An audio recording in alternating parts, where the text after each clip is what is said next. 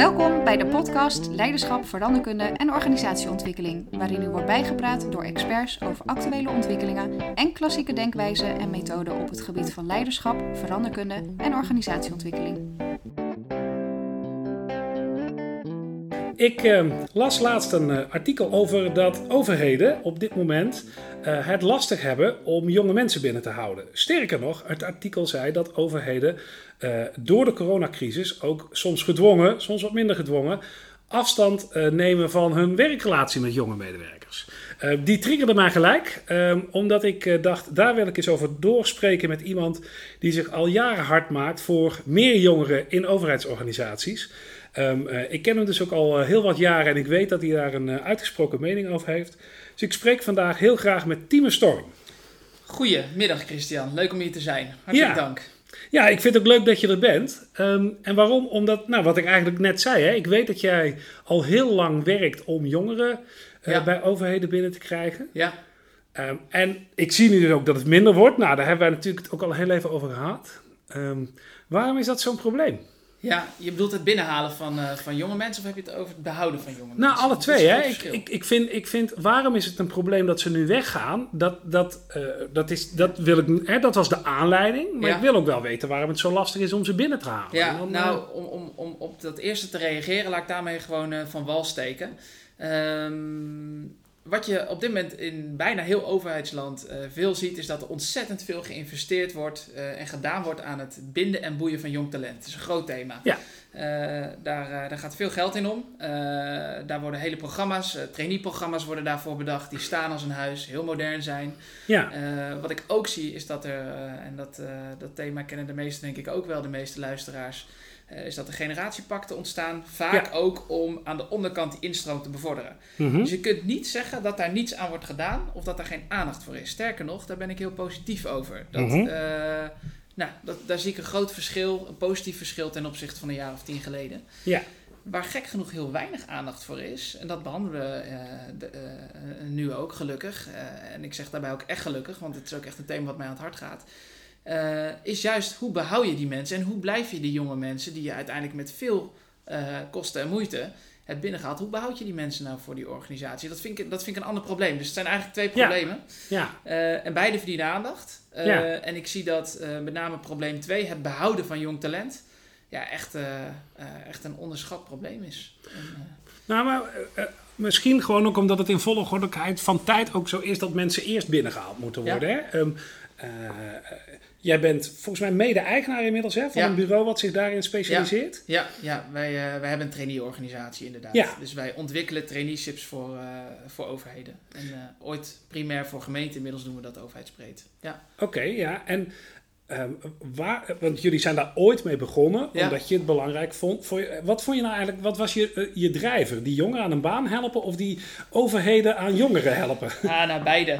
Nou, primair zit daar het woord verandering in. Uh, ja. Wij zagen een jaar of tien geleden dat de overheid ontzettend snel aan het veranderen was. Ja. Um, en dat, dat daarvoor, dat zeg ik bewust maar even gechargeerd, een nieuw type ambtenaar nodig was. Een Mhm. ambtenaar die veel meer van buiten naar binnen kon denken. Een ambtenaar die veel meer vanuit een netwerkgedachte in staat was om tot resultaat te komen. Uh, dat was probleem 1. En probleem 2, wat we zagen, is dat het ontzettend was, lastig was om op een moderne manier de brug te slaan tussen jong talent en de overheid.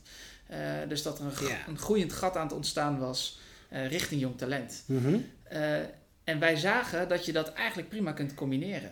je kunt juist jong talent ontzettend goed gebruiken Mhm. om verandering in gang te zetten. Um, nou, dat is eigenlijk uh, een van, uh, dat zijn eigenlijk twee redenen waarom wij ooit, ooit begonnen zijn met onze organisatie. Om dat ook bij elkaar te brengen. Nou, de afgelopen tien jaar, wij bestaan nu tien jaar, hebben wij gezien dat, dat juist jong talent echt perfect als smeer, smeerolie voor zo'n verandering kan dienen. en zelfs wel Ja. meer dan dat.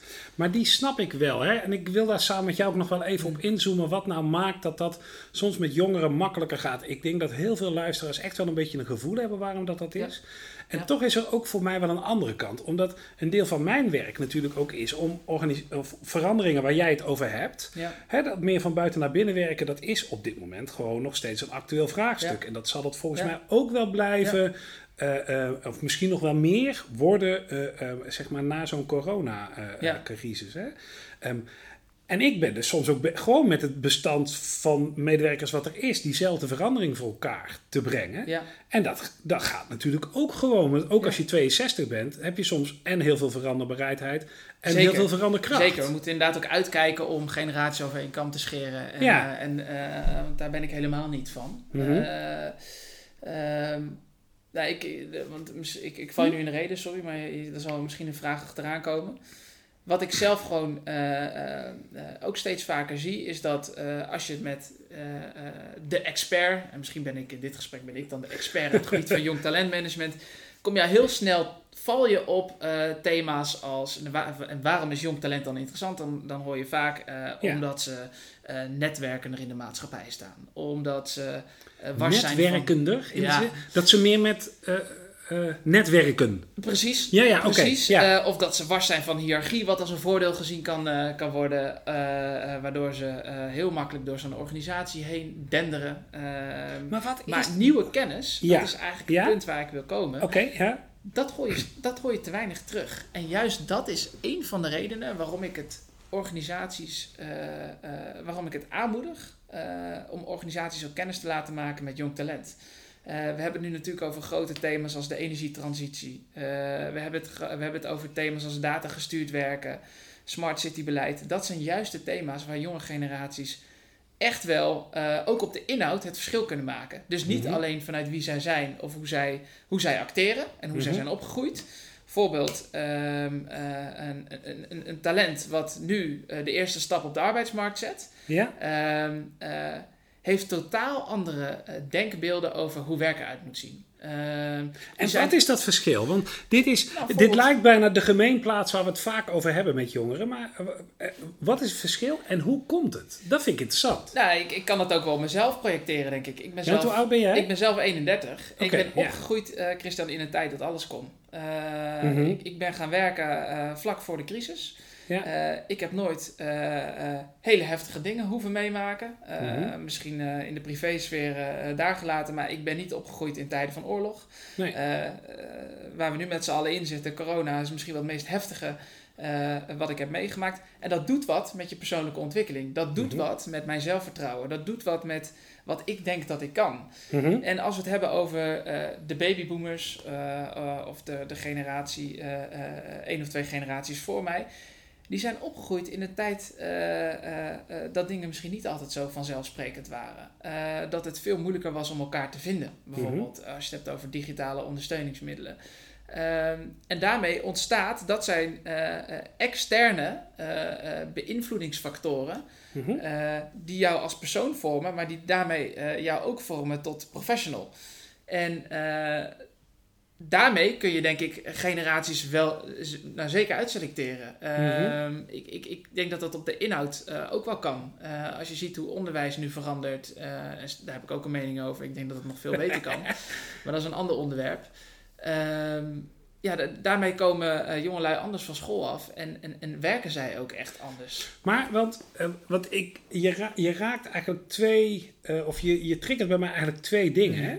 Ehm, en de eerste is, eh, en dat- daar mag je dadelijk dan op reageren, maar de eerste is van joh, is zo af en toe wat tegenslag helpt dat ook eigenlijk niet, hè? Want het dagelijks leven is ook best pittig. Ook, ook in een werkomgeving. Van, Ja. joh, eh, eh, ja, eh, dingen gaan gewoon niet altijd zoals, zoals je zou willen. Ja. dus we hebben niet altijd alleen maar de wind Ja. in de zeilen. Dus, dus dat zou, als ik dat hoor, maar die moet je dadelijk maar even oppakken, zou, je eigenlijk, zou dat eigenlijk eerder pleiten om, om de wat meer doorgewolgeverfde Ja, mensen met tegenslagen aan te nemen. Ehm, maar de tweede, ehm, eh, eh, als je die eerst wilt beetpakken, vind ik eigenlijk wel fijn. Ehm, eh, de tweede is, je hebt het voor een deel ook over, over mijn eigen generatie. Ik voel me niet heel persoonlijk aangesproken. Ehm, en waarom niet? Omdat ik eigenlijk al die dingen die jij beschrijft, heb ik eigenlijk altijd wel van geprobeerd om, die, om daar ook gewoon bij te zijn. En ik, ja heel goed. en, Ja. en eh, eh, zonder nou, eh, eh, mijn lieve ouders, dat zijn echt schatten van mensen, maar zonder die nou af te willen vallen. Maar ik weet nog heel goed dat eh, eh, eh, wij ooit de eerste videorecorder, zo'n VHS-apparaat, bij ons in huis kregen. Ehm, en nou, mijn vader die wilde dan een programma voor ons opnemen. Was natuurlijk allemaal heel erg. En we waren nog thuis. En eh, we, gingen op net 1 kijken. We wilden dan net 2 opnemen. Nou, we hadden die video geprogrammeerd. En hij zei, nou, beschrijf. En hij kwam er niet uit. En ik zat daarnaar te kijken. 12 jaar oud. Ik zeg, pap, ik denk dat het hetzelfde is als bij de cassette recorder. Als wij nu op dat rode rondje drukken van rek, dan gaat hij het denk ik doen. um, dus nou, mijn vader. Maar uiteindelijk had ik in dit geval natuurlijk gelijk. Ik heb me later wel bedacht. Dit is wat ik niet wil. Dus ik ben altijd wel bijgebleven met mijn digi-skills, zeg maar. Omdat ik niet wilde dat mijn kinderen ooit op deze manier, wat ze overigens inmiddels toch doen, maar ik wilde daar wel bij blijven. Dus jij zegt van, joh, die jongeren kunnen dat beter, maar Waarom zou jouw generatie dat beter kunnen dan de mijne? Ja, en hier uh, begeven we ons dus gelijk op, uh, direct op glad ijs. Oh, oh oké. Okay. Uh, maar ik zoek het ook op, hè? Dus, ja, terecht, dus ga je gaan. Nou ja, ik, ik, dit, dit, vind ik dus een lastige discussie. Want uh, je kunt niet elk jong talent, zo, je nee. kunt niet elk jong talent hetzelfde klassificeren. Ehm, opvoeding speelt een enorm belangrijke rol. Dus hoe ben jij opgevoed en Ehm, eh, eh, eh, en, en wat doet dat met je karakter? En mhm. hoe zorgt jouw karakter ervoor dat jij je ontwikkelt tot een bepaalde professional? Dat is één. Ehm, dus die vind ik lastig. Ehm, ik denk, ik ben per, definitie voor een gezonde mix. Dus een generatie met, of een, een, organisatie met alleen maar jong talent, absoluut niet doen. Absoluut niet doen. het leren werken, zie ik bij al onze trainees ook gebeuren, is zeker het eerste half jaar. ja. waan van de dag. Hebben we uh, allemaal wel ook gehad, denk ik. Hè? Ja. Nou, dat, dat denk ik ook. Ik denk dat dat niet zo heel erg uh, een verschil is nee. ten opzichte van vroeger. Wat ik wel zie, is dat de generatie ook onder mij, dus een generatie die één, misschien wel zelfs twee generaties onder mij, ehm, dat noemen ze tegenwoordig volgens mij de Einstein-generatie, ja.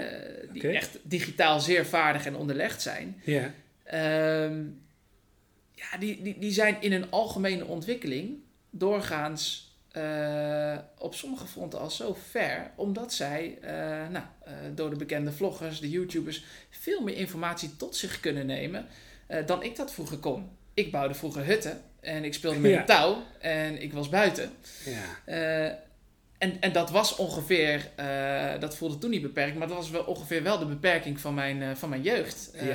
Ja. Waarmee je ook wel sociaal vaardig weet, werd en waarmee je misschien ook wel de hardheid van de straat tot je nam. Ja dat zie ik bij deze generatie, uh, uh, de jonge generatie die nu op de middelbare school zit, zie ik dat veel minder. Maar even terug naar die vraag. Jij benoemde het daarnet, en toen vroeg ik, reageer daar straks nog even op. Zei jij, wij, er is een generatie die heeft eigenlijk altijd wind meegehad. En dat bracht je als een pluspunt. Ja. En we hebben volgens mij ook even de kritische noot gekraakt. Maar waarom is dat nou zo'n pluspunt volgens jou? Ja, uh, bravoer. Uh, wat ik gewoon zie is dat de jonge generatie zo in staat is om een nieuwe organisatie in te stormen.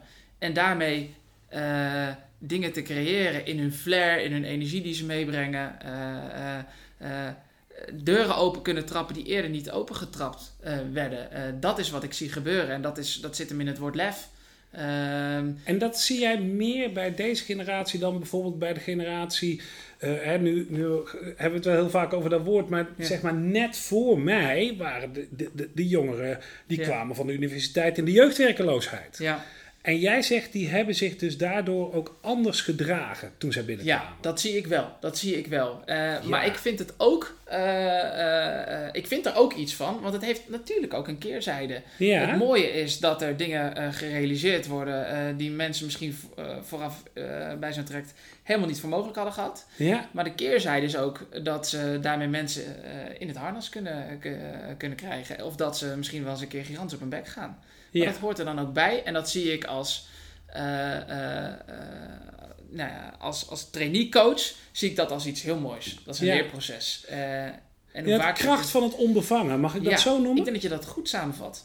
Ja, want, ja. nou ja, we, um, we, hebben natuurlijk vaker ook wel eens gesprekken gehad in de tijd dat ik zelf nog gemeentesecretaris was. Hè, hebben, volgens mij. Ja, wat is jouw ervaring hiermee? Je hebt natuurlijk ook nou, ik herken en ik realiseer me heel goed. Nee, ik moet mijn zin afmaken. Ik herken voor een heel groot deel wat jij zegt. En ehm, eh, ook doordat ik dit gesprek aan het voorbereiden was, dacht ik van joh, maar waar zit nou ook de kritische nood? En ondanks dat herken ik het toch. Hè. Er is op een of andere manier iets wat dat fris binnenkomen ehm, eh, dat genereert iets. Ja. En toen zat ik terug te denken van, joh, ehm, eh, ook op het moment dat je van baan verandert, kom je natuurlijk fris binnen. Ja. En op een of andere manier is het je kunnen verbazen over dingen van waarom gaat dat hier zo, dat is enorm krachtig.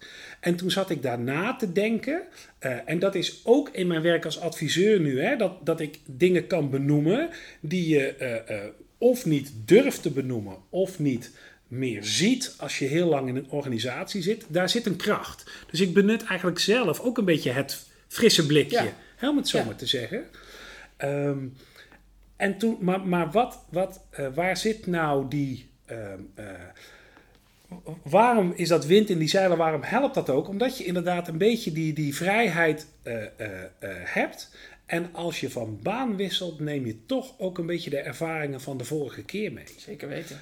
Ja. Ehm, en daar, weet je, het verft je door de wol. ja. Eh, dus dat maakt je, aan, dat maakt je eh, op een andere manier krachtig, maar dat hele frisse, dat totale onbevangen, dat totale, nou ja, eigenlijk, nou, je nergens iets van aan hoeven Ja. trekken en ook misschien niet eens kunnen trekken omdat je het niet eens weet.